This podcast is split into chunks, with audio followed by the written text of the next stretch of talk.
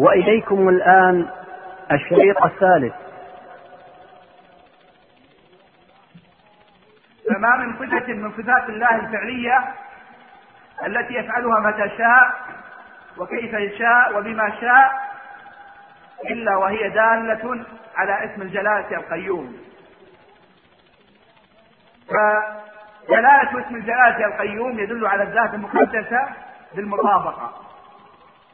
بالمطابقة لأن هذه الذات تتصف بصفات أفعال. يفعلها الرب متى شاء فهو يرضى ويغضب ويحب ويغضب ويجيء وينزل ويأتي. سبحانه وتعالى يفعل ذلك كيف شاء ومتى شاء وفي أي وقت شاء تبارك وتعالى. وتدل على صفة القيومية كذلك بالمطابقة. تدل على صفة القيومية بالمطابقة. فاسم الجلالة القيوم؟ يدل على كامل معنى القيومية. ويدل اسم الجلالة القيوم على أحدهما بالتضمن. الذات المقدسة تتضمن أوصافا عديدة. ومن جملة هذه الأوصاف وصف الجلالة القيومية. وذلك هذا الاسم يدل على القيومية. ومن جملة معاني القيومية أن الرب تبارك وتعالى كما جاء في حديث أبي موسى الأشعري رضي الله عنه وهو في صحيح مسلم قام رسول الله صلى الله عليه وسلم بأربع كلمات. فقال إن الله لا ينام ولا ينبغي له أن ينام. يخفض القسط ويرفعه. يرفع إليه عمل الليل قبل عمل النهار وعمل النهار قبل عمل الليل حجابه النور لو كشفه لأحرقت سبحات وجهه ما انتهى إليه بصره من خلقه. فمن معاني القيومية ما جاء في هذا الحديث. ما جاء في هذا الحديث. والقيومية تتضمن أمورا ما ذكرت في هذا الحديث. فاسم الجلالة القيوم يدل على بعض وعلى جزء معنى صفة القيومية. ثم قال ودلالة على الصفة الأخرى باللزوم. اسم الجلالة القيوم يدل على ماذا؟ يدل على كل صفة فعل. يدل على كل صفة فعل. فمن صفات القيومية التي أخبر عنها النبي صلى الله عليه وسلم كما جاء في الحديث الصحيح حديث أبي هريرة رضي الله عنه إذا كان ثلث الليل الآخر ينزل الله تبارك وتعالى إلى سماء الدنيا. وقال لا أسأل عن عبادي غيري. وتأمل هذا اللفظ الصحيح لا أسأل عن عبادي غيري. وهذا يبطل كل مجاز ادعي في هذا النزول. وإلا فهل يجوز للملك أن يقول لا أسأل عن عبادي غيري؟ وهل يجوز لرحمة الرب تبارك وتعالى أن تقول لا أسأل عن عبادي غيري؟ فصح بهذه اللفظة لا أسأل عن عبادي غيري أنه خطاب من الرب تبارك وتعالى وأنه نزول حقيقي ينزله الرب تبارك وتعالى كما يليق بجلاله تبارك وتعالى. فاسم الجلالة القيوم يدل على صفة النزول باللزوم يدل على صفة النزول باللزوم وأن من لوازم القيوم تبارك وتعالى هي أنه أنه يتفقد عباده وأنه يسأل عنهم فيقول من يدعوني فأستجيب له من يسألني فأعطيه من يستغفرني فأغفر له. فمن لوازم اسم الجلالة القيوم أنه يتفقد عباده يتفقد عباده في الثلث الأخير من الليل. وإذا كان هذا حال عدول ملوك الأرض أنهم يعسون في آخر الليل ويتفقدون عبادهم ورعاياهم كما كان حال أمير المؤمنين عمر بن الخطاب رضي الله عنه وكما كان حال حفيده عمر بن عبد العزيز رضي الله عنه. كانوا يعسون في الليل ويتفقدون رعاياهم وحوائجهم. إذا كان هذا في حق عدول ملوك الأرض فما بالكم بالملك العدل الحق المبين تبارك وتعالى. فإن من لوازم قيوميته أنه ينزل في الثلث الأخير من الليل. فهذا توضيح هذه القاعدة من قواعد هذا الباب. نعم. قال رحمه الله تعالى السادس أن أسماءه الحسنى لها اعتباران اعتبار من حيث الذات واعتبار من حيث الصفات. فهي بالاعتبار الأول مترادفة. وبالاعتبار الثاني متباينة. نعم وهذه القاعدة العظيمة أيها الأخوة الفضلاء لها ارتباط وثيق بالقاعدة السابقة. بالقاعدة السابقة. لأنه بين لك أن كل اسم من أسماء الرب تبارك وتعالى يدل على الذات المقدسة. فإذا دلت جميع الأسماء الحسنى على الذات المقدسة فهل نقول إن الأسماء متباينة؟ وإذا دل كل اسم من هذه الأسماء على صفة خاصة. هل نقول إن هذه الأسماء متباينة؟ أم أن نقول إن الأسماء مترادفة والأوصاف متباينة؟ ما هو فصل الخطاب في هذه المسألة؟ بين لك رحمه الله تعالى فصل الخطاب في هذه المسألة. فقال لك إن أسماء الله تبارك وتعالى كلها مترادفة. كلها مترادفة. والترادف هو التوافق والتطابق. فأسماء الرب تبارك وتعالى كلها مترادفة ومتوافقة ومتطابقة من جهة. وهي في نفس الوقت. متبا... مت... مختلفة ومتباينة من حيث جهة أخرى. ما هي الجهة التي يقع فيها التوافق والتطابق؟ هي جهة دلالة هذه الأسماء الحسنى على ذات الله المقدسة. فأنت تقول الخالق البارئ المصور من أسماء الله الحسنى. وتقول الملك القدوس السلام المؤمن المهيمن العزيز الجبار المتكبر من أسماء الله الحسنى. فإرجاعك جميع هذه الأسماء إلى الرب تبارك وتعالى يدل على أنها مترادفة. لأن جميع أسماء الرب تبارك وتعالى تدل على ذات الله المقدسة.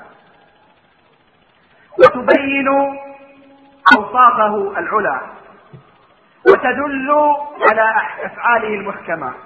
فهي من هذا الباب مترادفة ومتوافقة وتصدق بعضها بعضا. أما إن جئنا إلى تفسير كل اسم من هذه الأسماء الحسنى وما يشتق وما يشتق من كل اسم من هذه الأسماء من صفات الله العلى فسيظهر لنا حينئذ الخلف بينها وأنها متباينة. وأنها متباينة.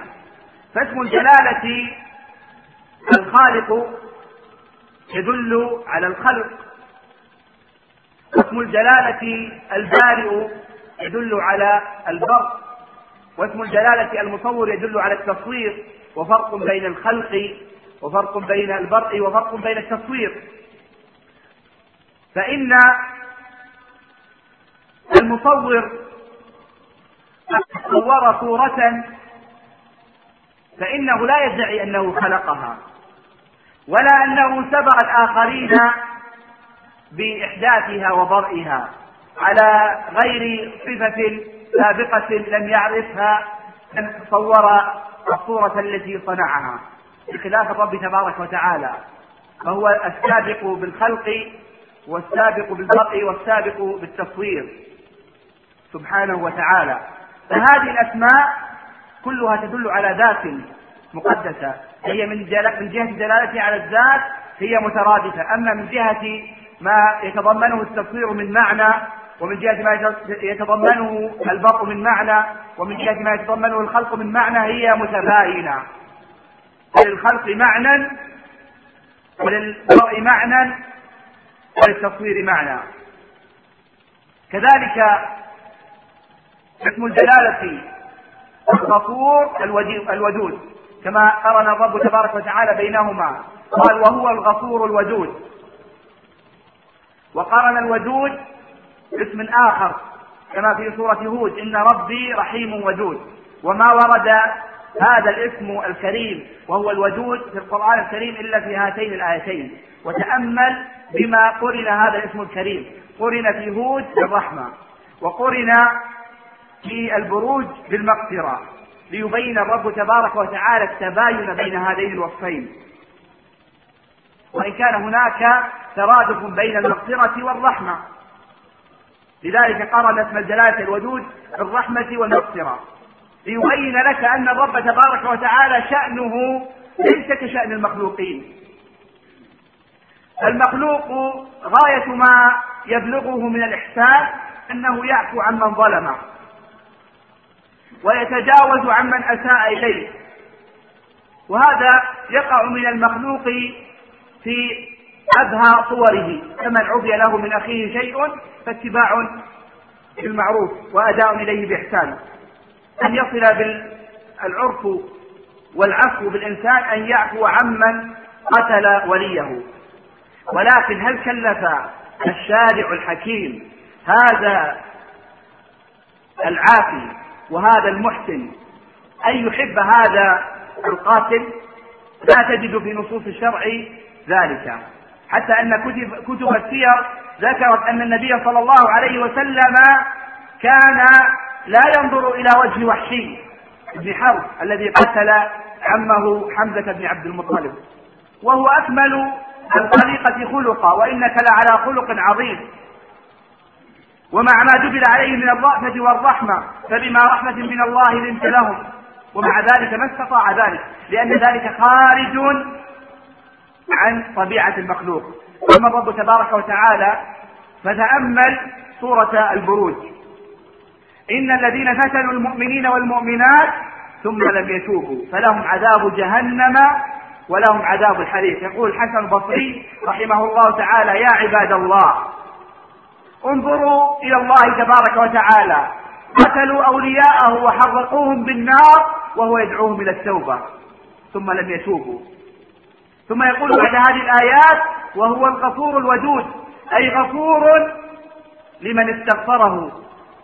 الرب تبارك وتعالى إذا أساء المسيء وأذنب المذنب ثم استغفر ربه تبارك وتعالى فإنه يغفر ذنبه ويستر عيبه ثم يكسوه بجلباب المودة. الودود قال البخاري في صحيحه الذي يحب عباده ويحبه عباده. فليس شأن الخالق كشأن المخلوق بل الرب تبارك وتعالى إذا عفى عنك ورحمك فإنه يودك يودك سبحانه وتعالى. فتكون أنت الموجود الذي يحبك الرب تبارك وتعالى. وإذا أحب الرب تبارك وتعالى عبده سارع في رضاه. وهذه المسارعة من قبل الرب تبارك وتعالى على قدر ما يبلغه العبد من رضا ربه تبارك وتعالى. لذلك كانت تقول عائشة رضي الله عنها النبي صلى الله عليه وسلم ما أرى الرب تبارك وتعالى إلا يسارع في رضاه. وهكذا الرب تبارك وتعالى يسارع في رضا عبيده لشدة مودته تبارك وتعالى لهم. فاقتران هذين الاسمين يدل, يدل, على الترادف من جهة دلالتهما على الذات المقدسة وأنها ذات تخالف ذوات المخلوقين. ومن جهة انفراد معنى الغفران عن معنى المودة فكل كل من هذين الاسمين مباين للآخر ومخالف له. بسم الله الرحمن الرحيم الحمد لله رب العالمين وصلى الله وسلم وبارك وانعم على عبد الله ورسوله نبينا محمد وعلى آله وصحبه أجمعين. أما بعد أيها الأخوة الفضلاء فيلقى بنا الحديث عصا ترحاله إلى القاعدة السابعة وهي من القواعد التي لها تعلق بما مضى لا سيما تعلقها بالقاعدة الأولى وهي القاعدة السابعة. نعم. بسم الله الرحمن الرحيم. الحمد لله رب العالمين. وصلى الله وسلم وبارك على نبينا محمد وعلى آله وصحبه أجمعين. أما بعد فيقول المصنف رحمه الله تعالى السابع أن ما يطلق عليه في باب الأسماء والصفات توقيفي وما يطلق عليه في باب في باب الإخبار لا يجب أن يكون توقيفيا كالقديم والشيء والموجود والقائم بنفسه. فهذا فصل الخطاب في مسألة أسمائه. هل هي توقيفية أو يجوز أن يطلق عليه في أو يجوز أن يطلق عليه منها بعض ما لم يرد به السمع؟ نعم. بين رحمه الله تعالى في هذه القاعدة ما سبقت الإشارة إليه في القاعدة الأولى ولكنه زاد هذه القاعدة بيانا وإيضاحا حتى فصل لك الخطاب في هذا الباب العظيم. وهو أجل أبواب العلم كما سيأتي في القاعدة التي تلي هذه القاعدة وهي القاعدة العاشرة وأن وهي أن إحصاء العبد لهذا العلم هو أصل إحصائه لكل العلوم. فمن أراد أن يحصي الفقه الأصغر وهو فقه الأحكام والعبادات والمعاملات فسبيل ذلك أن يحيط علما بهذا الفقه الأكبر وهو فقه أسمائه الحسنى وصفاته العلى وأفعاله المحكمة. بين لك أن الاسم إذا أردت أن تطلقه على الرب تبارك وتعالى أو الفعل فأردت أن تصف به الرب تبارك وتعالى فعليك أن تتثبت. هل هذا الاسم أو هذا الوصف أوقفنا عليه الشارع الحكيم أم لم يوقفنا عليه؟ هل أوقفنا عليه الشارع الحكيم في الكتاب أو في السنة أم لم يوقفنا على هذا الاسم أو هذا الوصف؟ فإن كان هذا الاسم قد أوقفنا الشارع الحكيم عليه إما في كتاب أو في سنة فالواجب على العبد حينئذ أن يطلق هذا الاسم على الرب تبارك وتعالى وأن يصف به الرب تبارك وتعالى. وإذا لم يوقفنا عليه الرب تبارك وتعالى ولم يوقفنا عليه النبي صلى الله عليه وسلم فيجب علينا حينئذ أن ننتهي إلى علم ما علمنا. وأن لا نتجاوز هذا العلم نقع في التقول على الرب تبارك وتعالى بما لم يقله أو لم يقله رسوله الكريم عليه أفضل الصلاة وأزكى التسليم. فحينئذ الواجب عليك إذا لم يكن هذا الأمر قد ثبت في كتاب أو في سنة؟ الواجب عليك حينئذ أن تخبر عن الرب تبارك وتعالى به شريطة أن لا يتضمن قدحا ولا نقيصة ولا سوءا في حق الرب تبارك وتعالى. فإنه تبارك وتعالى الجليل الجميل ومن آثار جلاله وجماله أنه تسمى بالأسماء الحسنى واتصف بالصفات العلى. فالقديم القديم يجوز للعبد أن يخبر عن الرب تبارك وتعالى بأنه قديم. لذلك فإن بعض أئمة أهل السنة والجماعة أخبروا عن الرب تبارك وتعالى بهذا الخبر. والذي يظهر لي في مقدمة الإمام أبي جعفر الصحاوي رحمه الله تعالى أن مراده في مقدمته هو باب الإخبار وليس باب الأسماء حين قال قديم بلا ابتداء دائم بلا انتهاء. الذي يظهر لي في هذه العبارة أن مراده هو الإخبار وليس التسمية. لذلك لا يظهر لي وجه انتقاده ممن انتقده وقال بأنه سمى الرب تبارك وتعالى بغير ما سمى به نفسه واللائق أن يسمى الرب تبارك وتعالى بما سمى نفس به نفسه من الأولية. فيقال فيقول هو الأول والآخر. لأن مراده فيما ظهر لي أن مراده هو الإخبار وباب الإخبار واسع. وباب الإخبار واسع لا سيما أن هذا الاسم بالألف واللام الدالتان الدالتين على العلمية التي تطابقها الوصفية وإنما جاء به مجردا عن العلمية فقال قديم بلا ابتداء دائم بلا انتهاء. فإن كان مراده فإن كان مراده رحمه الله تعالى هو الإخبار فيرتفع حينئذ النقص الذي وجه إلى هذه العقيدة وهو أحد الانتقادات الثلاثة التي وجهت في هذه العقيدة التي وافقت عقيدة أهل السنة والجماعة. فهذا أول هذه الانتقادات وثانيها كلامه في الحج والجهة وثالثها الكلام في الإيمان. فيظهر على ذلك على فيما ظهر من ظاهر كلامه أن مراده الإخبار. فيجوز حينئذ أن يقال القديم على جهة الإخبار وهو ما تقدم على غيره. والقديم لماذا ما دخل في أسماء الرب تبارك وتعالى؟ لأن القديم يتضمن وصف مدح ووصف قدح. فالقديم إن زاده القدم متانة وقوة فإن هذا في حقه وصف مدح. وإن زاده القدم ضعفا وهونا فإن ذلك في حقه وصف قدح ولله المثل الأعلى فإن في مخلوقات الرب تبارك وتعالى ما يوصف بالمدح كلما ازداد قدما فالناس يعشقون ما قدم وعتق من الطيب فشد من عشقهم لما جد وحدث. لأنهم يعلمون أن هذا الطيب كلما اشتد قدمه وازداد عتقه كلما فاح عبق طيبه وهم يأنسون إليه ويعشقونه. فصار هذا القدم في حق هذا المخلوق وصف مدح وليس وصف قدح. وإذا أتينا إلى بعض المخلوقات والمصنوعات لعلمنا أن وصف القدم في حقها وصف قدح. وصف قدح.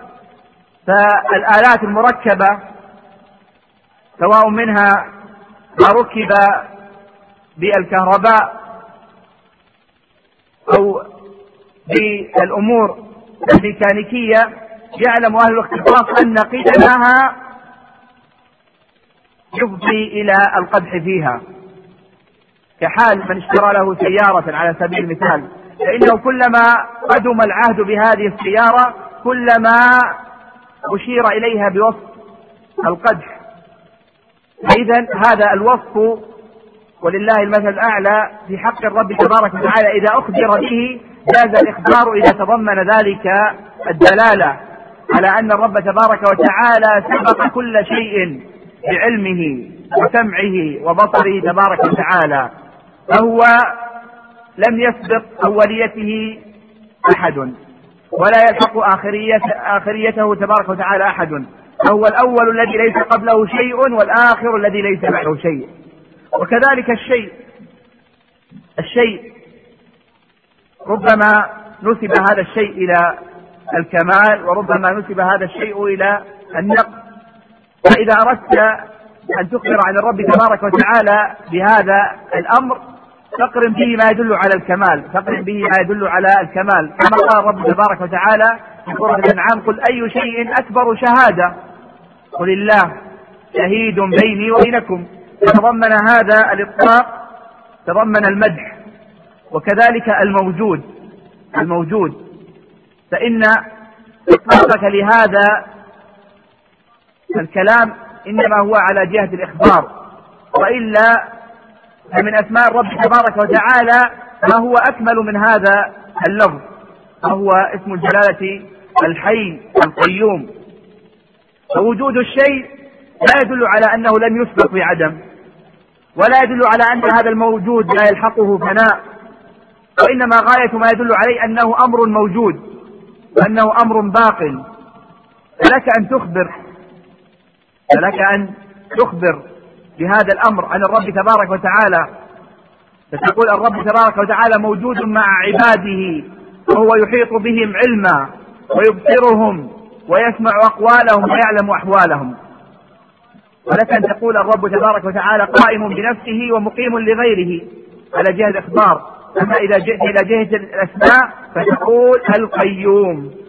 فتقول عبد القيوم لا تقول عبد القائم. القيوم اسم والقائم إنما جاز إطلاقه على الرب تبارك وتعالى لأنه خبر يتضمن مدحا لا قدح فيه نعم.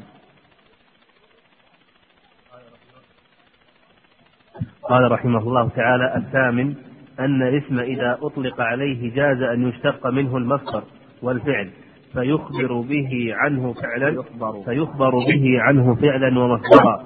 نحو السميع البصير القدير يطلق عليه منه السمع والبصر والقدرة ويخبر عنه بالأفعال من ذلك. نحو سمع الله وقوله فقدرنا. وقوله فقدرنا فنعم القادرون. هذا إن كان الفعل متعديا فإن كان لازما لم يخبر عنه به نحو الحي بل يطلق عليه الاسم والمصدر. دون الفعل فلا يقال حيي دون الفعل. دون الفعل فلا يقال حيي حي. حي. هذه القاعدة الثامنة أيها الأخوة الفضلاء يستفاد منها بعد أن تقرر أن كل اسم من أسماء الرب تبارك وتعالى يجوز لك أن تشتق منه وصفا. فإذا ثبت أن من أسماء الرب تبارك وتعالى اسم الجلالة الحي جاز لك أن تشتق منه صفة الحياة. وإذا كان لك أن من أسماء الرب تبارك وتعالى العليم جاز لك أن تشتق صفة العلم. وإذا كان لك أن من أسماء الرب تبارك وتعالى الرحيم جاز لك أن تشتق صفة الرحمة. فهذا الاسم هذا الاسم. يجوز لك أن تشتق منه وصفا مع ضرورة إحاطتك علما بهذه القاعدة وهي أن الاسم إذا أطلق على الرب تبارك وتعالى جاز أن يشتق منه المصدر والفعل. تقول من أسماء الرب تبارك وتعالى السميع. فلك أن تشتق منه المصدر فتقول سمع سمعا. كما قال الرب تبارك وتعالى وكلم الله موسى تكليما. ويجوز لك أن تشتق منه الفعل. كما قال الرب تبارك وتعالى قد سمع الله قول التي تجادلك في زوجها. قد سمع الله قول الذين قالوا إن الله فقير ونحن أغنياء. سنكتب ما قالوا. فاشتققت من هذا الاسم المصدر والفعل. فجاز لك حينئذ أن تخبر عن الرب تبارك وتعالى بالفعل وتخبر عنه بالمصدر. كما جمع الفعل والمصدر والاسم في آية واحدة. سبقت الإشارة إليها في مجلس البارحة. قد سمع الله هذا الفعل. قول التي تجادل زوجها وتشتكي إلى الله. والله يسمع. هذا فعل كذلك. تحاوركما إن الله سميع بصير. وهذا هو الاسم الذي يجوز أن يشتق منه المصدر. فتقول سمع سمعا. نحو السميع البصير القدير. فيطلق عليه منه السمع. تقول السميع يطلق على الرب تبارك وتعالى أن له سمعا. فتقول قد سمع الله. وتقول أبصر الله عز وجل أفعالنا وقدر على أعمالنا ويجوز لك أن تخبر عنه بالأفعال من ذلك. كل فعل يأتي بالفعل والفاعل. قد سمع الله وقدرنا فنعم القادرون. جاء بالفعل وما يدل على العظمة الراجعة إلى من قام به هذا الفعل ثم أثنى على هذه القدرة. تبارك وتعالى وأنها لا تشبه قوى ولا قدرات المخلوقين. ولكن هذه القاعدة يجب أن تستصل في فهمها معرفة الفعل. وهل هو فعل لازم أو فعل متعد؟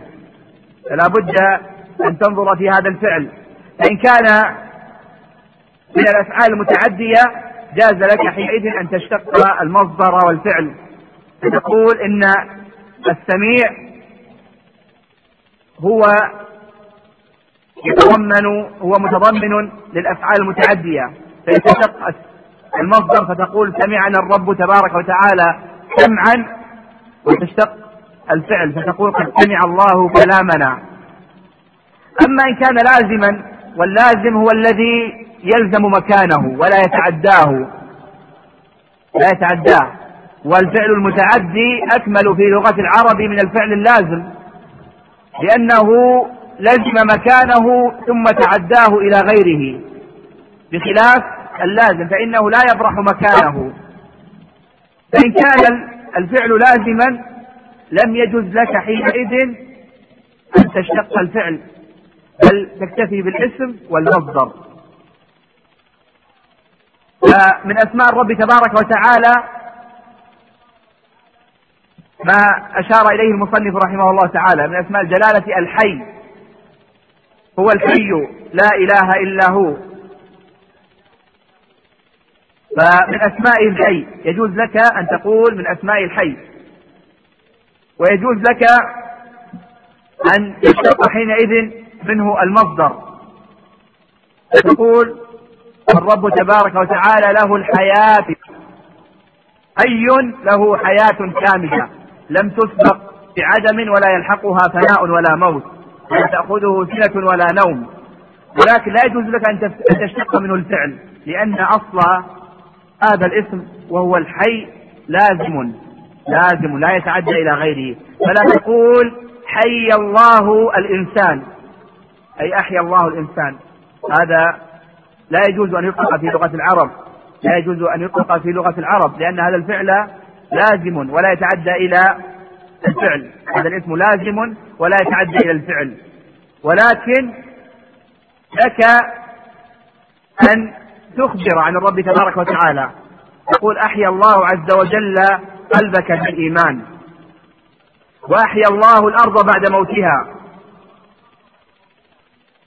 كما قال رب تبارك وتعالى ألم ترى ألم ترى ومن آياته أنك ترى الأرض خاشعة إذا أنزلنا عليها الماء اهتزت وربت. إن الذي أحياها لمحيي الموتى إنه على كل شيء قدير. لمحيي الموتى فأخبر عن الإحياء ولم يأتي بفعل لم يقل حي الموتى لأن هذا الفعل لازم. هذا الفعل لازم معرفتك بهذه القاعدة اللغوية تعينك على معرفة هذه القاعدة المتعلقة بأسماء الرب تبارك وتعالى. نعم. قال رحمه الله تعالى التاسع أن أفعال الرب تبارك وتعالى صادرة عن أسمائه وصفاته وأسماء المخلوقين صادرة عن أفعالهم الرب تبارك وتعالى فعاله عن كماله والمخلوق كماله عن فعاله. فاشتقت له الأسماء بعد أن كمل بالفعل. نعم. اشتقت قال فاشتقت له الأسماء بعد أن كمل بالفعل. فالرب لم يزل كاملا. فحصلت أفعاله عن كماله لأنه كامل بذاته وصفاته. فأفعاله صادرة عن كماله. كمل ففعل والمخلوق فعل فكمل الكمال اللائق به. نعم. وهذه القاعدة العظيمة أيها الأخوة الفضلاء لو لم يخرج العبد من فهمه لهذه القواعد إلا بهذه القاعدة لكفى. لكفى. لأن العبد الأخوة الفضلاء مطالب بأمر يتعلق بركن من أركان الإيمان ألا وهو الإيمان بقضاء الله وقدره خيره وشره حلوة ومره. والعبد لو أنفق ما في الأرض جميعا ما قبل منه حتى يؤمن بهذا الباب. لذلك قال عبد الله بن عمر للرجلين اللذين كنفاه وسألاه عن القدر وأن أناسا بالبصرة ينكرون القدر ويقولون أن الأمر أنف. قال والذي يحلف به عبد الله لو أنفق أحدهم مثل أحد ذهبا ما قبل منه حتى يؤمن بالقدر. خيره وشره. وتعلق هذا الباب أيها الإخوة الفضلاء إنما هو بفهم هذه القاعدة. أن تعلم أن أفعال الرب تبارك وتعالى وأن كل ما قضاه وقدره هو خير. هو خير. وأن الشر ليس في قضاء الله ولا في قدره وإنما هو في المقضي المقدر. فرق بين القضاء وفرق بين المقضي. وفرق بين القدر وفرق بين المقدر. القضاء والقدر هو فعل الرب تبارك وتعالى. لذلك لما فسر الإمام أحمد رحمه الله تعالى القدر قال هو قدرة الله. أي هو ما سبق في علم الرب تبارك وتعالى ثم كتبه وزبره في اللوح المحفوظ ثم شاءه ثم خلقه. وهي أركان القدر الأربعة. فإذا علم العبد أنه ما من فعل يفعله الرب تبارك وتعالى إلا وهو صادر عن كمال أسمائه وكمال أوصافه أوجب له هذا الأمر كمال الرضا بما قضاه الله وقدره. لذلك قال النبي صلى الله عليه وسلم لما قبض ابنه إبراهيم إن العين لتدمع وإن القلب ليحزن ولا نقول إلا ما يرضي الرب. إنا لله وإنا إليه راجعون لأنه علم أن فعل الرب تبارك وتعالى صادر عن كماله. صادر عن كماله. لذلك لا يجوز أن ينسب شر إلى الله تبارك وتعالى.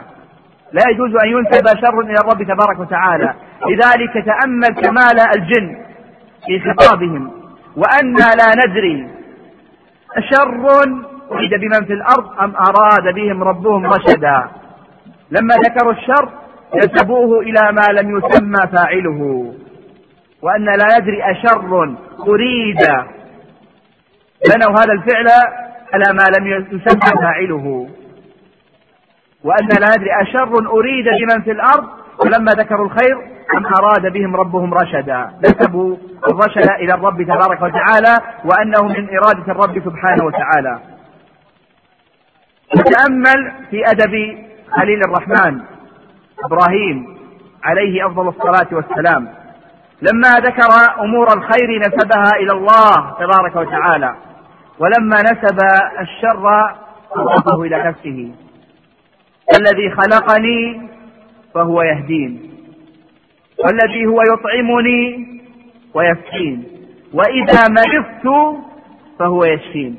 لما ذكر الخلق نسبه إلى الله الذي خلقني. لما ذكر الهداية نسبها إلى الله فهو يهدين.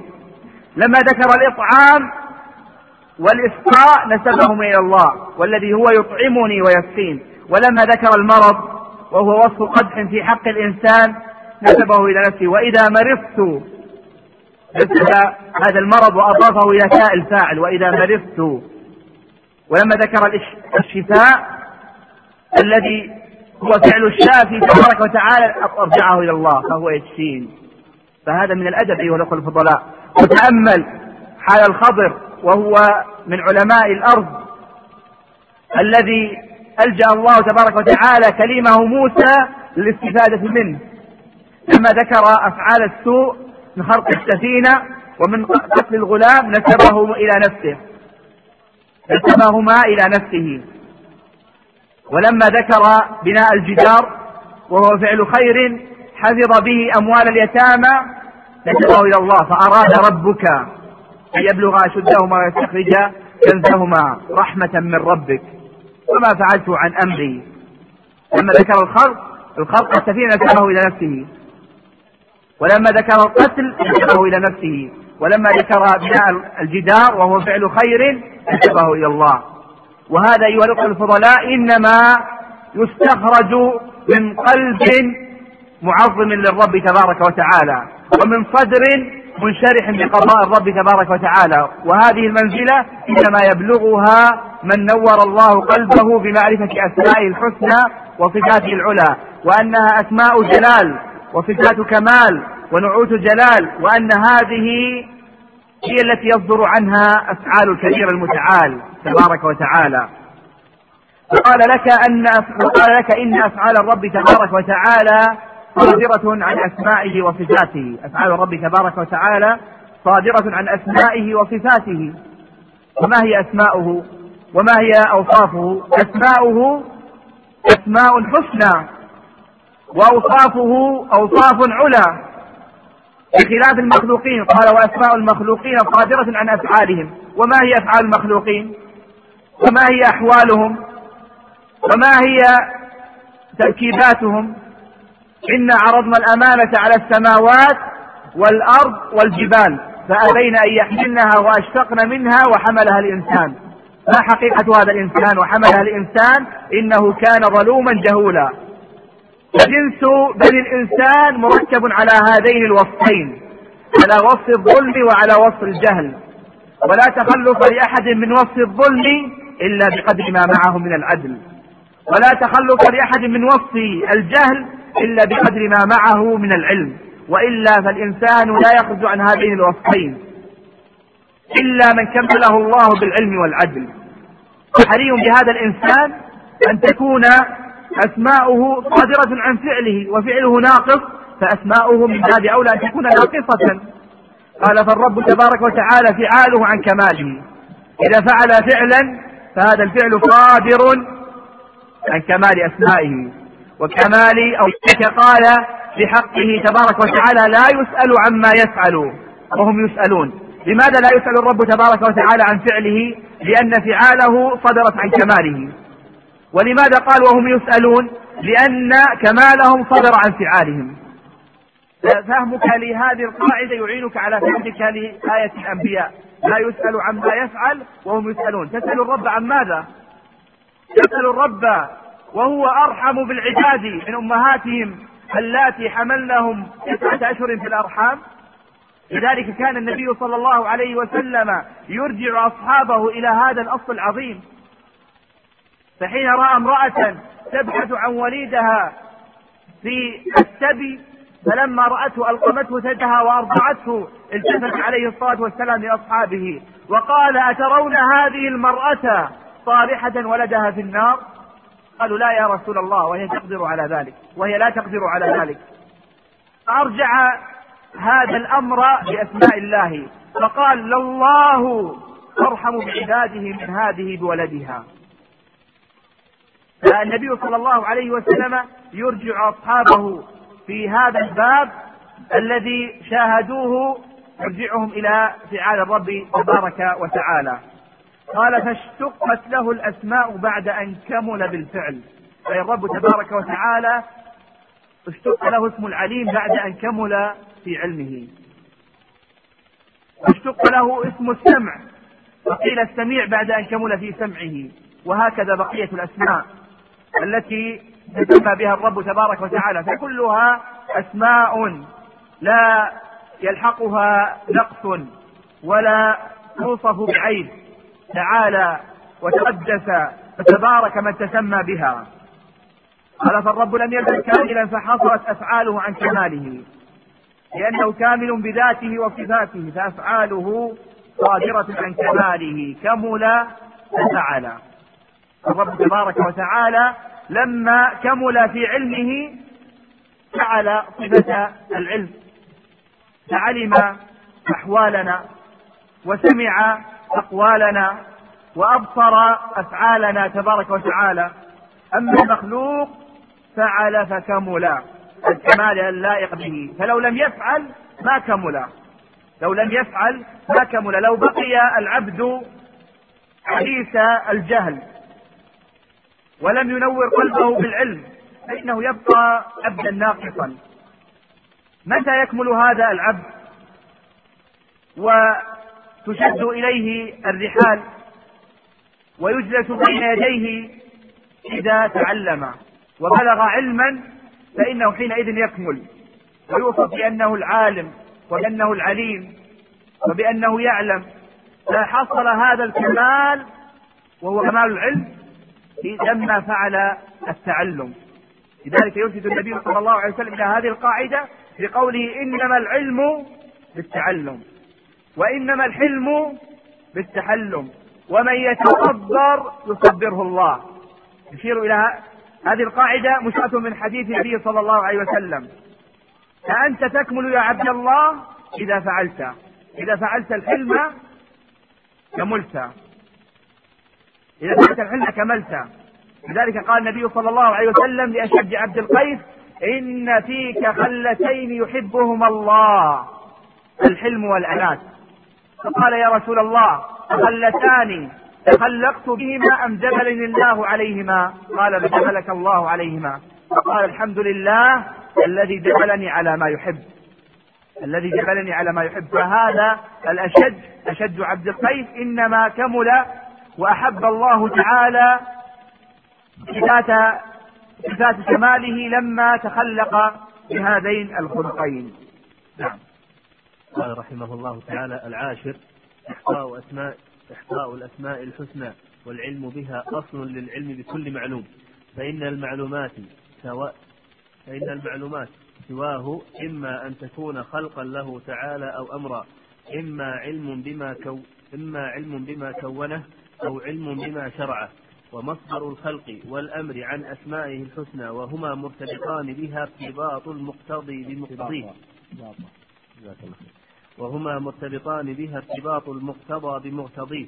فالأمر كل وهما مرتبطان بها ارتباط المقتضي بمقتضيه.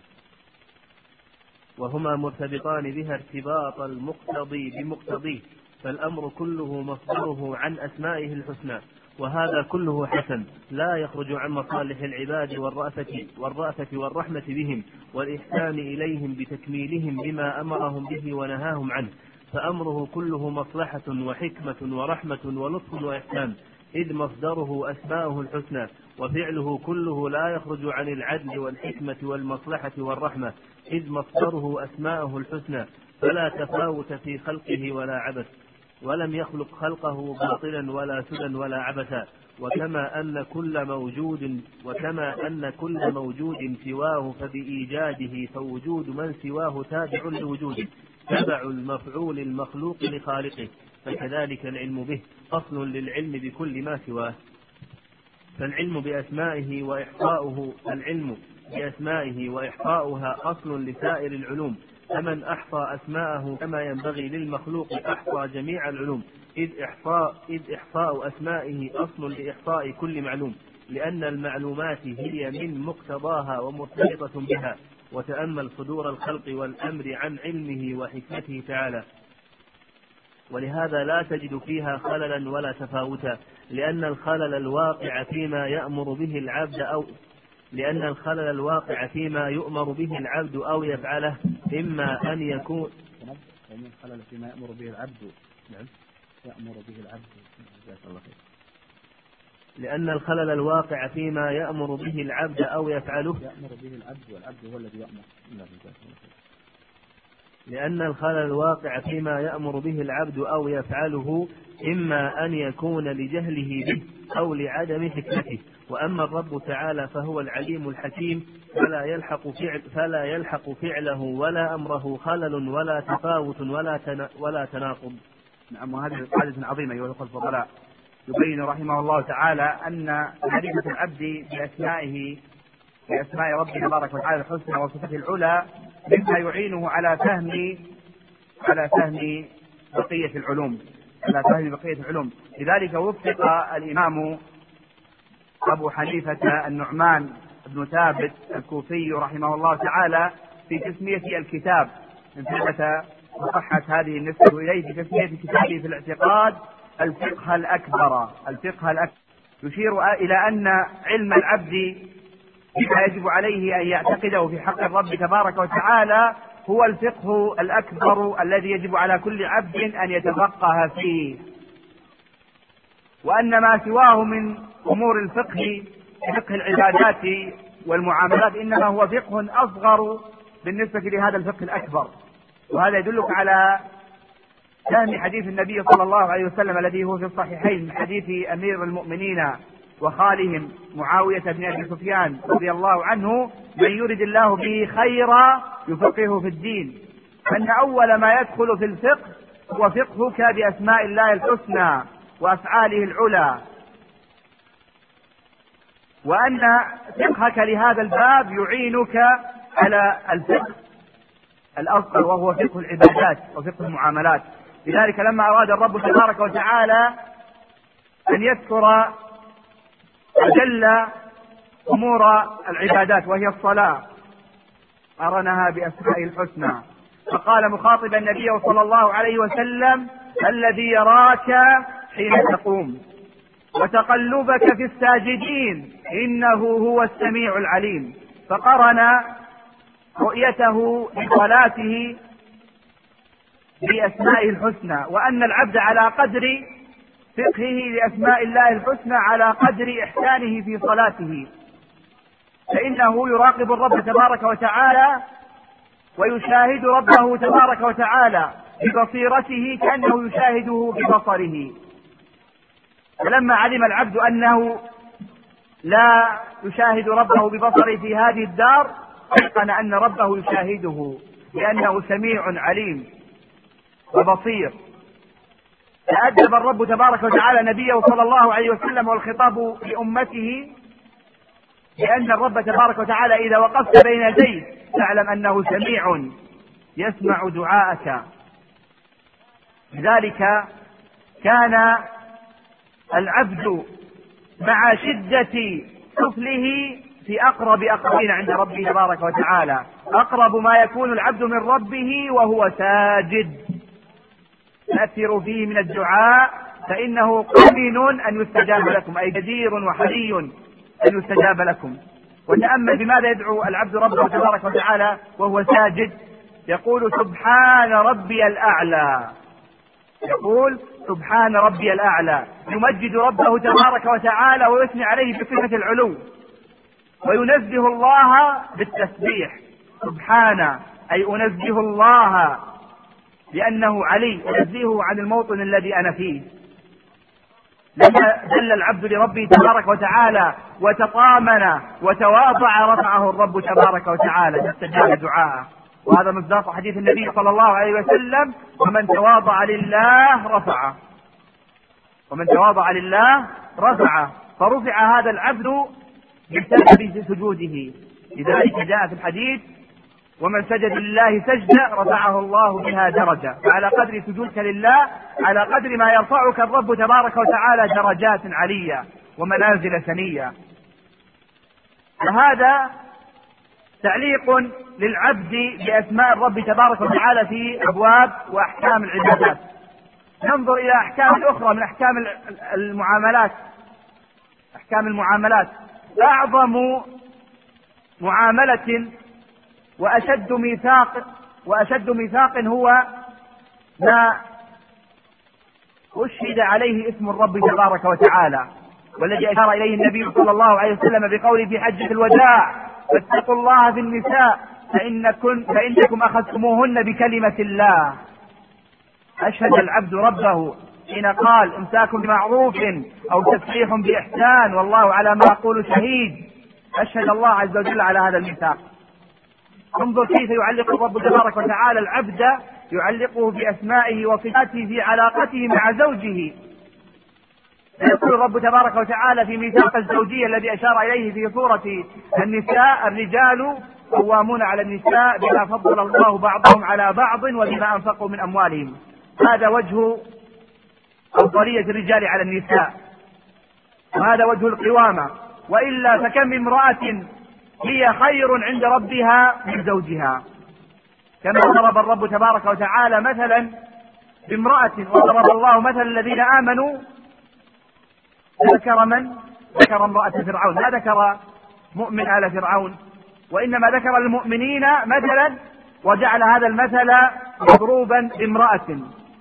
بامرأة باعت متاع الدنيا واشترت جوار الله. رب ابن لي عندك بيتا في الجنة. قال ابن كثير في تفسيره اختارت الجار قبل الدار. رب ابن لي عندك. ذكرت العزية وهي الجار ثم ذكرت البيت بيتا في الجنة. اختارت الجار قبل الدار. إذا المرأة قد تكون خيرا عند الله عز وجل من زوجها. فذكر الرب جل جلاله أصناف المؤمنات الطائعات التقيات وأصناف الناشزات. الرجال قوامون على النساء بما فضل الله بعضهم على بعض.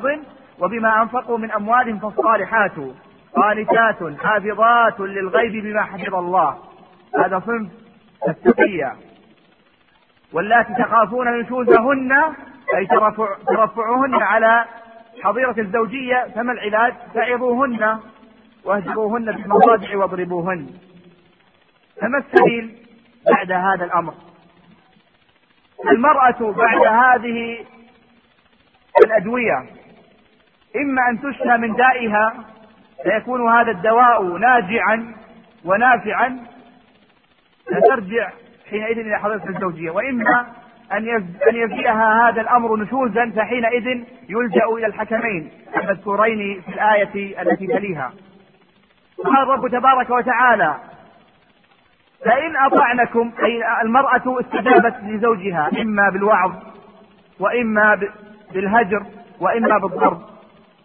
فإن أطعنكم أي رجعنا إلى حضيرة الزوجية فلا تبغوا عليهن سبيلا لأن بعض الأزواج ربما حمله الكبر وربما حمله العلو على أن يتكبر على هذه المرأة وعلى أن يبغي عليها سبيلا وعلى, وعلى أن لا يقبل عذرها فخوفه الرب تبارك وتعالى بأسمائه فلا تبغوا عليهن سبيلا إن الله كان عليا كبيرا.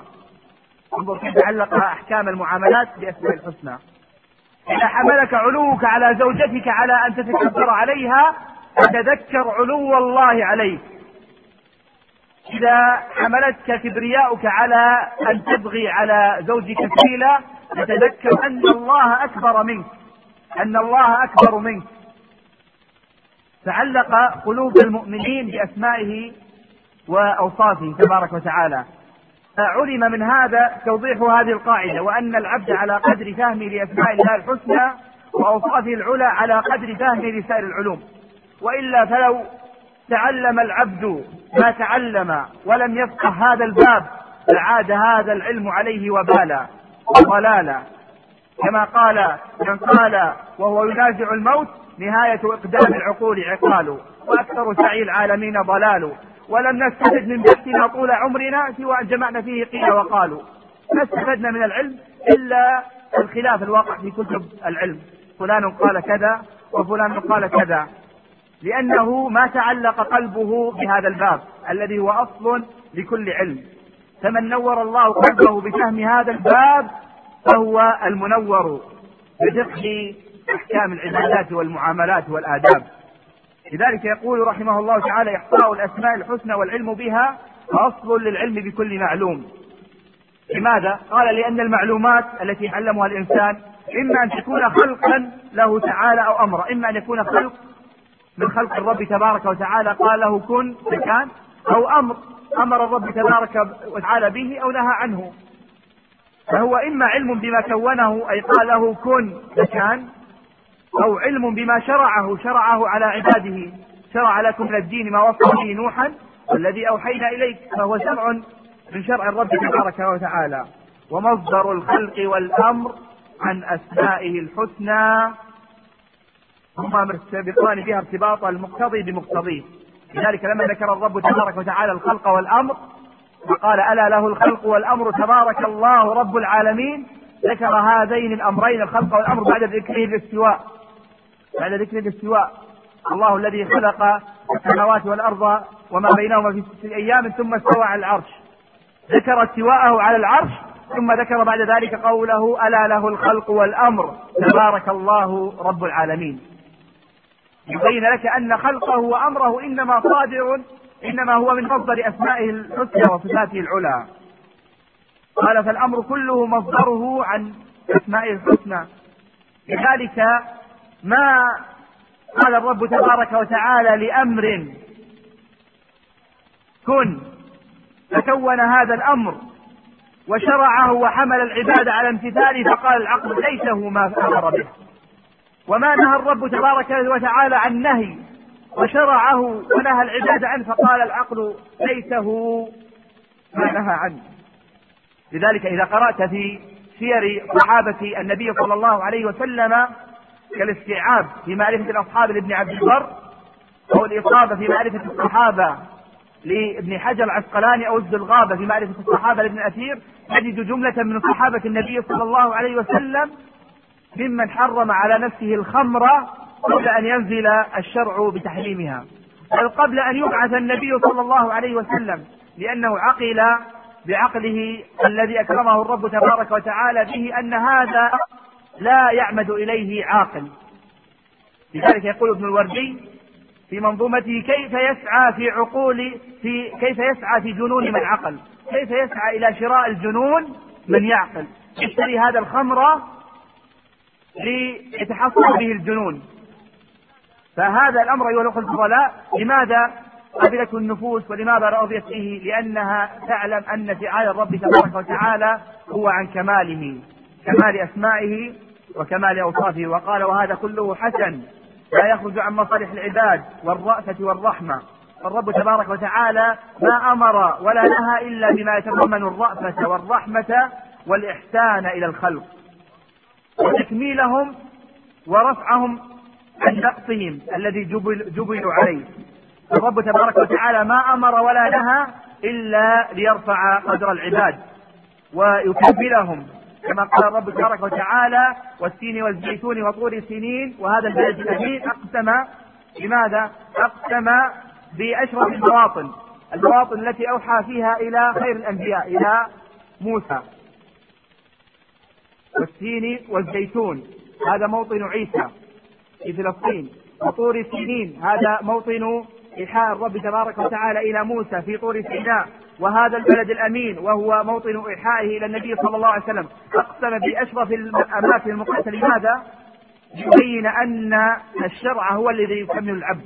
لقد خلقنا الإنسان في أحسن تقويم ثم رددناه أسفل سافلين إلا الذين آمنوا وعملوا الصالحات فلهم أجر غير ممنون. فعلى قدر إيمانك وعلى قدر عملك بما أمرت به ونهيت على قدر ما تحصل خلال قوامتك في هذه الدار.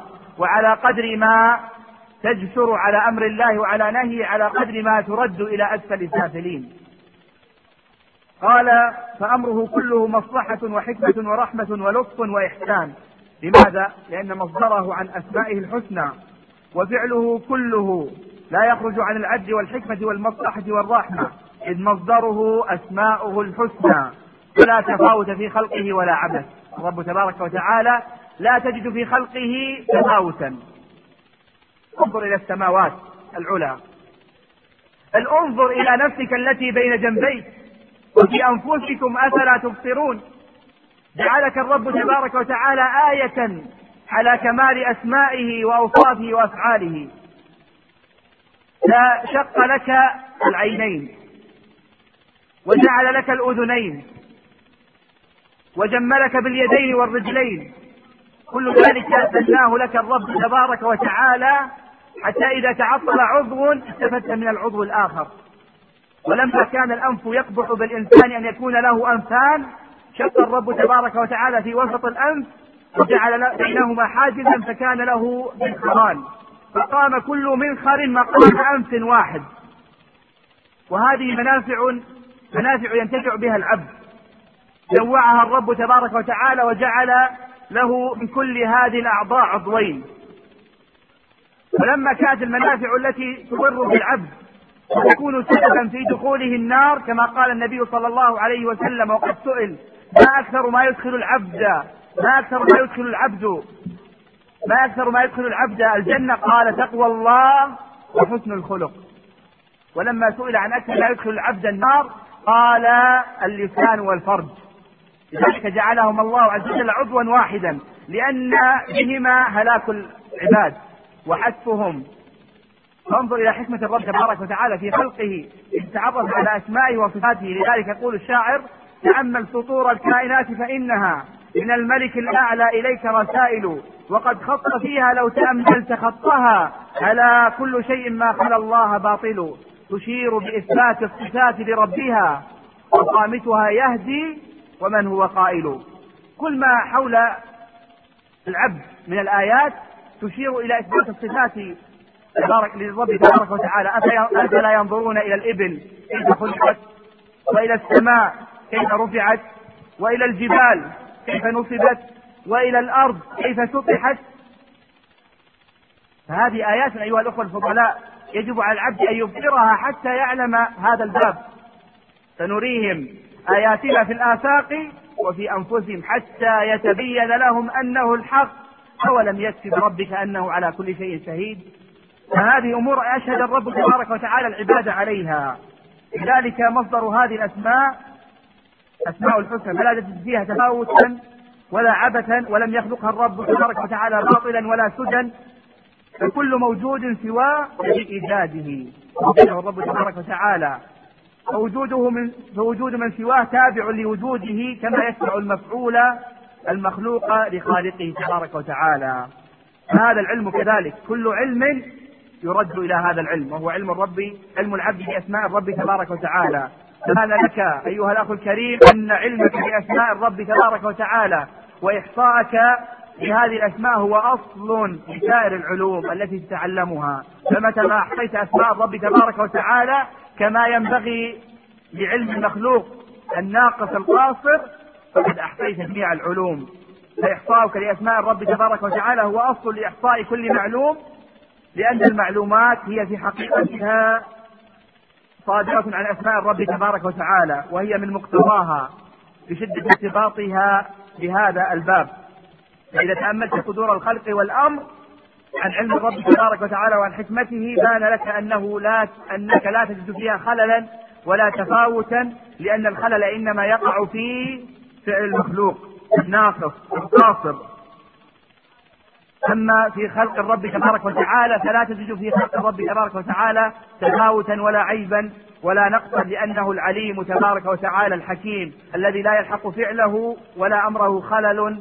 ولا تفاوت ولا تناقض أسأل الرب تبارك وتعالى أن يبصرني وإياكم بأسمائه الحسنى وأفعاله المحكمة وصفاته العلى وأن ينور قلبنا بالإيمان وأن يسكن قلوبنا التسليم لحكمه والرضوان. إن ربي لسميع الدعاء وصلى الله وسلم وبارك وأنعم على عبده ورسوله نبينا محمد وعلى آله وصحبه أجمعين.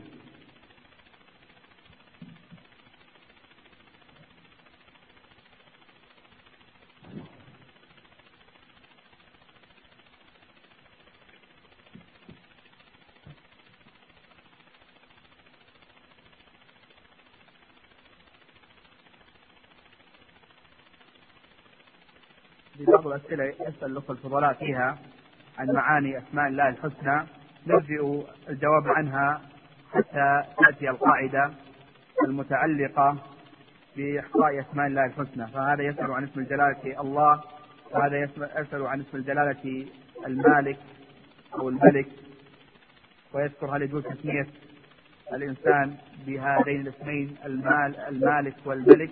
سيأتي هذا في القاعدة التي تتعلق بالأسماء وانها تنقسم إلى ثلاثة أقسام منها ما هو مختص بالخالق ومنها ما هو مختص بالمخلوق ومنه ما يجوز أن يطلق ومنها ما يجوز أن يطلق على الرب تبارك وتعالى وله من هذا الاسم الكمال ومنها ويجوز أن يطلق هذا الاسم على المخلوق وله من هذا الاسم النقص. وهذا يسأل ما المقصود؟ لأن الشر يكون في الأمر المقضي. هذا الأمر تضرب به مثالا تضرب عليه مثالا بحال الغلام الذي قتله الخضر. وهذا القضاء والقدر الذي قدره الرب تبارك وتعالى خير خير للغلام لأنه لو بلغ لا كفر فيما سبق في علم الرب تبارك وتعالى. ولم يقتصر هذا الكفر على هذا الغلام بل إن والديه لشدة تعلقهما حبا وشغفا بهذا الغلام سيتابعانه على هذا الكفر. فقبض الرب تبارك وتعالى نفس هذا الغلام على يد الخضر فكان في هذا القضاء والقدر خير. وإن كان هو في المقضي المقدر على الوالدين شر بالنسبة لهما شر أن يقتل ابنهما. فهذا وجه التفريق بين القضاء والمقضي وبين القدر والمقدر.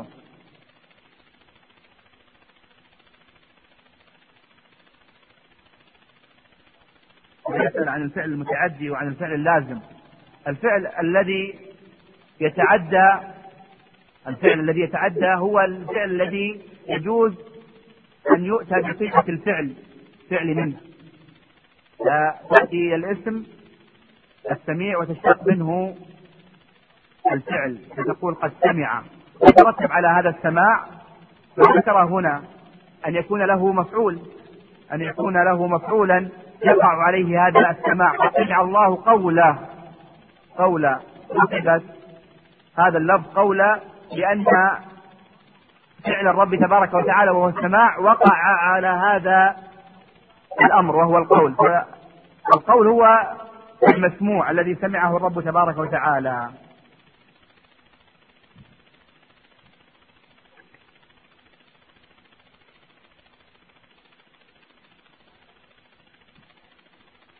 وهذا سائل كريم يقول ذكرت في درس العصر أن أن المرأة لا يحب من عاداه واستدل بقول ربه تبارك وتعالى اتبع التي هي أحسن سيئة اتبع بالتي هي أحسن فاذا الذي بينك وبينه عداوة كأنه ولي حميم. ولي حميم. هذا إرشاد أيها الأخوة الفضلاء من الرب تبارك وتعالى. إرشاد من الرب تبارك وتعالى. والكلام الذي ذكر لا ينفي أن يكون العبد محبا لمن أساء إليه في سالف الأيام. النبي صلى الله عليه وسلم أحب عمر وقد رام وقصد قتل النبي صلى الله عليه وسلم قبل إسلامه. ومع ذلك اتخذه النبي صلى الله عليه وسلم من خاصة أصحابه وقال اقتدوا بالذين من بعد أبي بكر وعمر. ولكن الكلام أيها الأخوة الفضلاء بأمر خارج بأمر خارج عن نطاق العقول البشرية كما هو الحال في من في في أصحاب الأخدود الذين قتلوا أولياء الله وما اكتفوا بقتلهم بل حرقوهم في النار. فكيف دعاهم الرب تبارك وتعالى إلى التوبه وبشرهم بأنه يغفر ذنوبهم ويستر عيوبهم ويبدلهم مكان الإساءة إحسانا ومكان البغض ودا. فهذا لا تنافي بين هذا الكلام والمخلوق قد يصدر منه هذا الأمر.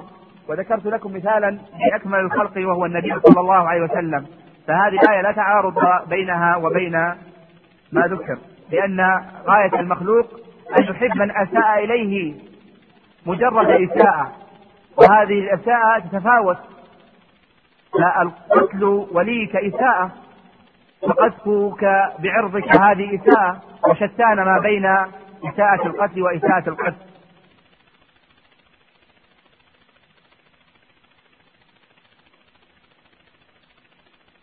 هذا الأخ الكريم يطالب بالتأني في الشرح.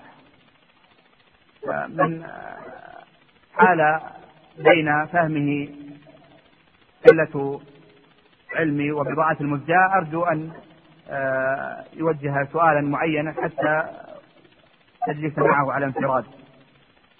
والإخوة بودهم أن نمضي قراءة في شرح هذه القواعد.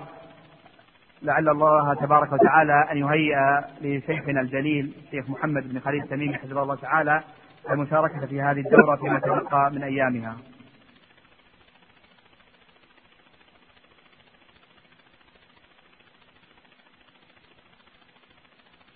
الأمر يرجع للأخوة المنظمين الدورة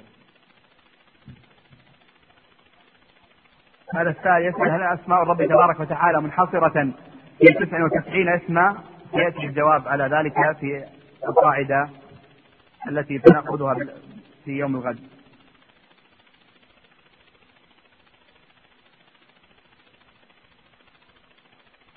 هذا يسأل عن قول ربي تبارك وتعالى ومكروا ومكر الله والله خير الماكرين. هل هذا اسم وهو خير الماكرين؟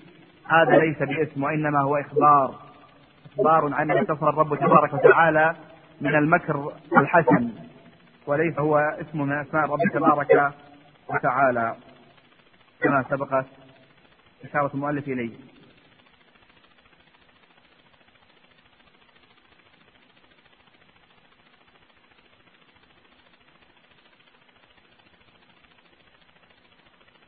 هذا يقول يسأل عن تحية حياك الله وحياكم الله.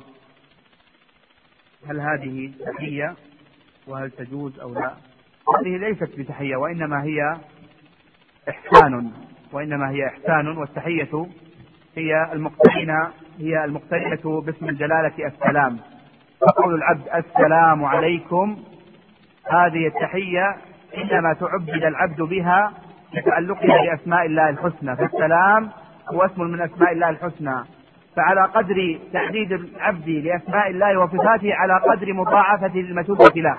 فإذا قال العبد السلام عليكم فإنه يعطى بهذا السلام عشرا.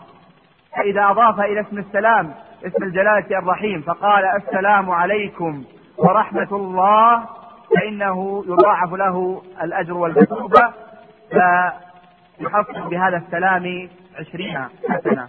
وإذا أضاف إلى ذلك صفة البركة التي هي من صفات الله الذاتية والفعلية فقال السلام عليكم ورحمة الله وبركاته فإنه يكافأ على ذلك بثلاثين حسنة. وهذه هي تحية أهل الجنة في تعلقها باسم الجلالة السلام. تدعو لمن سلمت عليه بأن يسلمك السلام من كل سوء. أو أنك تعاهد السلام جل جلاله أنك سلم لا حرب لهذا المسلم عليه. هل الرفيق اسم من أسماء الله الحسنى أم صفة لله عز وجل؟ الرفيق من أسماء الله الحسنى وستأتي الإشارة إليه في قول النبي صلى الله عليه وسلم إن الله رفيق ويعطي على الرزق ما لا يعطي على شيء سواه. هذا يسأل عن القاعدة السابقة قاعدة الترادف والتباين. الترادف هو التوافق اسم الجلالة الحي القيوم كلاهما متوافقان ومترادفان ومتطابقان في الدلالة على ذات الله العلى هذا هو الترادف. والتباين أي الاختلاف اسم الجلالة الحي دال على الحياة. اسم الجلالة القيوم دال على القيومية. فالحياة اسم وصف من اوصاف الرب تبارك وتعالى يدل على الصفات الذاتية. ما هي الصفات الذاتية التي قامت الرب تبارك وتعالى ازلا؟ وتقوم به أبدا كالعلم والسمع والبصر والقدرة والإرادة. والقيوم من قامت به الصفات الفعلية التي يفعلها الرب تبارك وتعالى متى شاء وكيف شاء وبما شاء. كالرضا يرضى عمن أطاعه والسخط يسخط عمن أغضبه.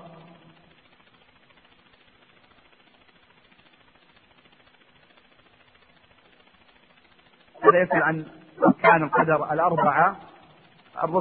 الركن الأول والأصل الأول هو العلم هو العلم. والأصل الثاني الكتابة. فكل ما علمه الرب تبارك وتعالى لكمال عدله جبره وخطه في اللوح المحفوظ. الأول العلم والثاني الكتابة والثالث المشيئة التي يشاءها الرب تبارك وتعالى وتقع مشيئته تقع مشيئة الرب تبارك وتعالى مع مشيئة العبد. لمن شاء منكم أن يستقيم وما تشاءون إلا يشاء الله إلا يشاء الله رب العالمين. فتقع مشيئة العبد موافقة لمشيئة الله التي ذكرت في اللوح المحفوظ وعلمها الرب ثم يقع الأصل الرابع وهو الخلق. يخلق هذا الفعل. والله خلقكم وما تعملون.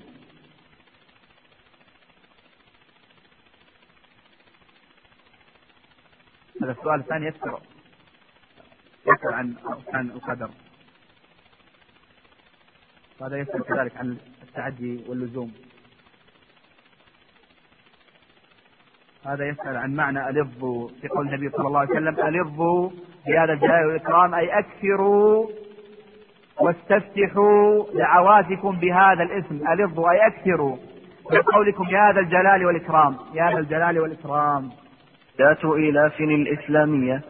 أما بعد أيها الأخوة الفضلاء فنستعين الرب تبارك وتعالى على إكمال قواعد هذا الباب العظيم والذي يتعلق بأسماء الرب تبارك وتعالى الحسنى وصفاته العلى وأفعاله المحكمة.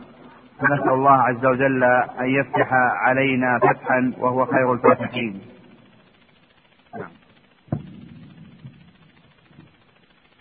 بسم الله الرحمن الرحيم. الحمد لله رب العالمين.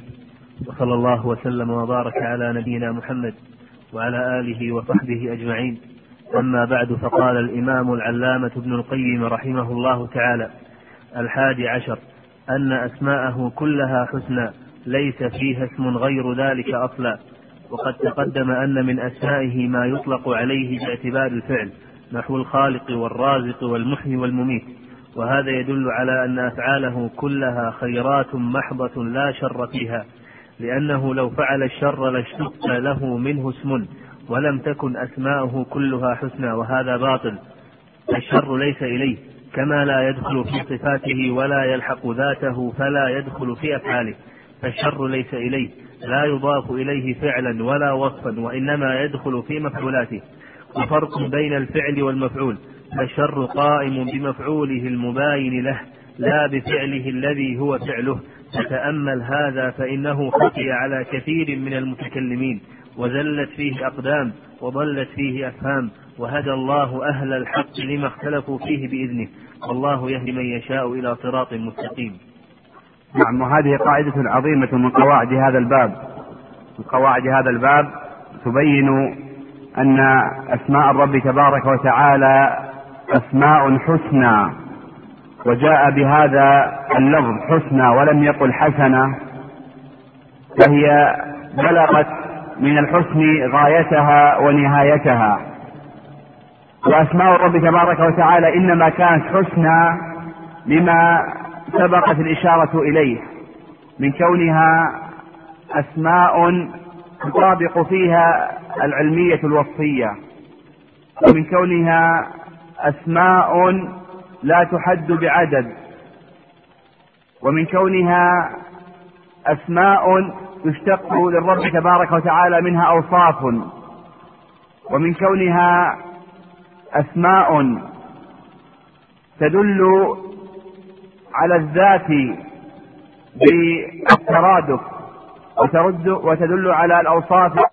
فمجموع هذه الأمور هو الذي جعل أسماء الرب تبارك وتعالى حسنى. وأسماء الرب تبارك وتعالى منها ما يدل على ذاته العلية اسم الجلالة العليم واسم الجلالة السميع واسم الجلالة البصير. وهذه أسماء تدل على ذات الرب تبارك وتعالى. ومن هذه الأسماء ما يدل على أفعال الرب تبارك وتعالى. كاسم الجلالة الخالق والرازق والمحيي والمميت. فهذه الأسماء تدل على صفات أفعال الرب تبارك وتعالى. ولما كانت هذه الأسماء دالة على أفعال الرب تبارك وتعالى ناسب أن يبين لك المؤلف رحمه الله تعالى أن أفعال الرب تبارك وتعالى كلها أفعال خير لا شر فيها. فهي كلها أفعال خير لا شر فيها. كما قال النبي صلى الله عليه وسلم والخير بيديك والشر ليس إليك. فالشر ليس في أفعال الرب تبارك وتعالى لأن الرب سبحانه وتعالى فعاله عن كماله. فما من فعل لأفعال الرب تبارك وتعالى إلا وأمارات الكمال وعلامات الجلال بادية في صفحات هذا الفعل من الرب تبارك وتعالى. لأنه سبحانه وتعالى عزيز حكيم. أفعاله لم تكتمل مادة هذا الشريط بعد. لذا نرجو متابعتها في الشريط.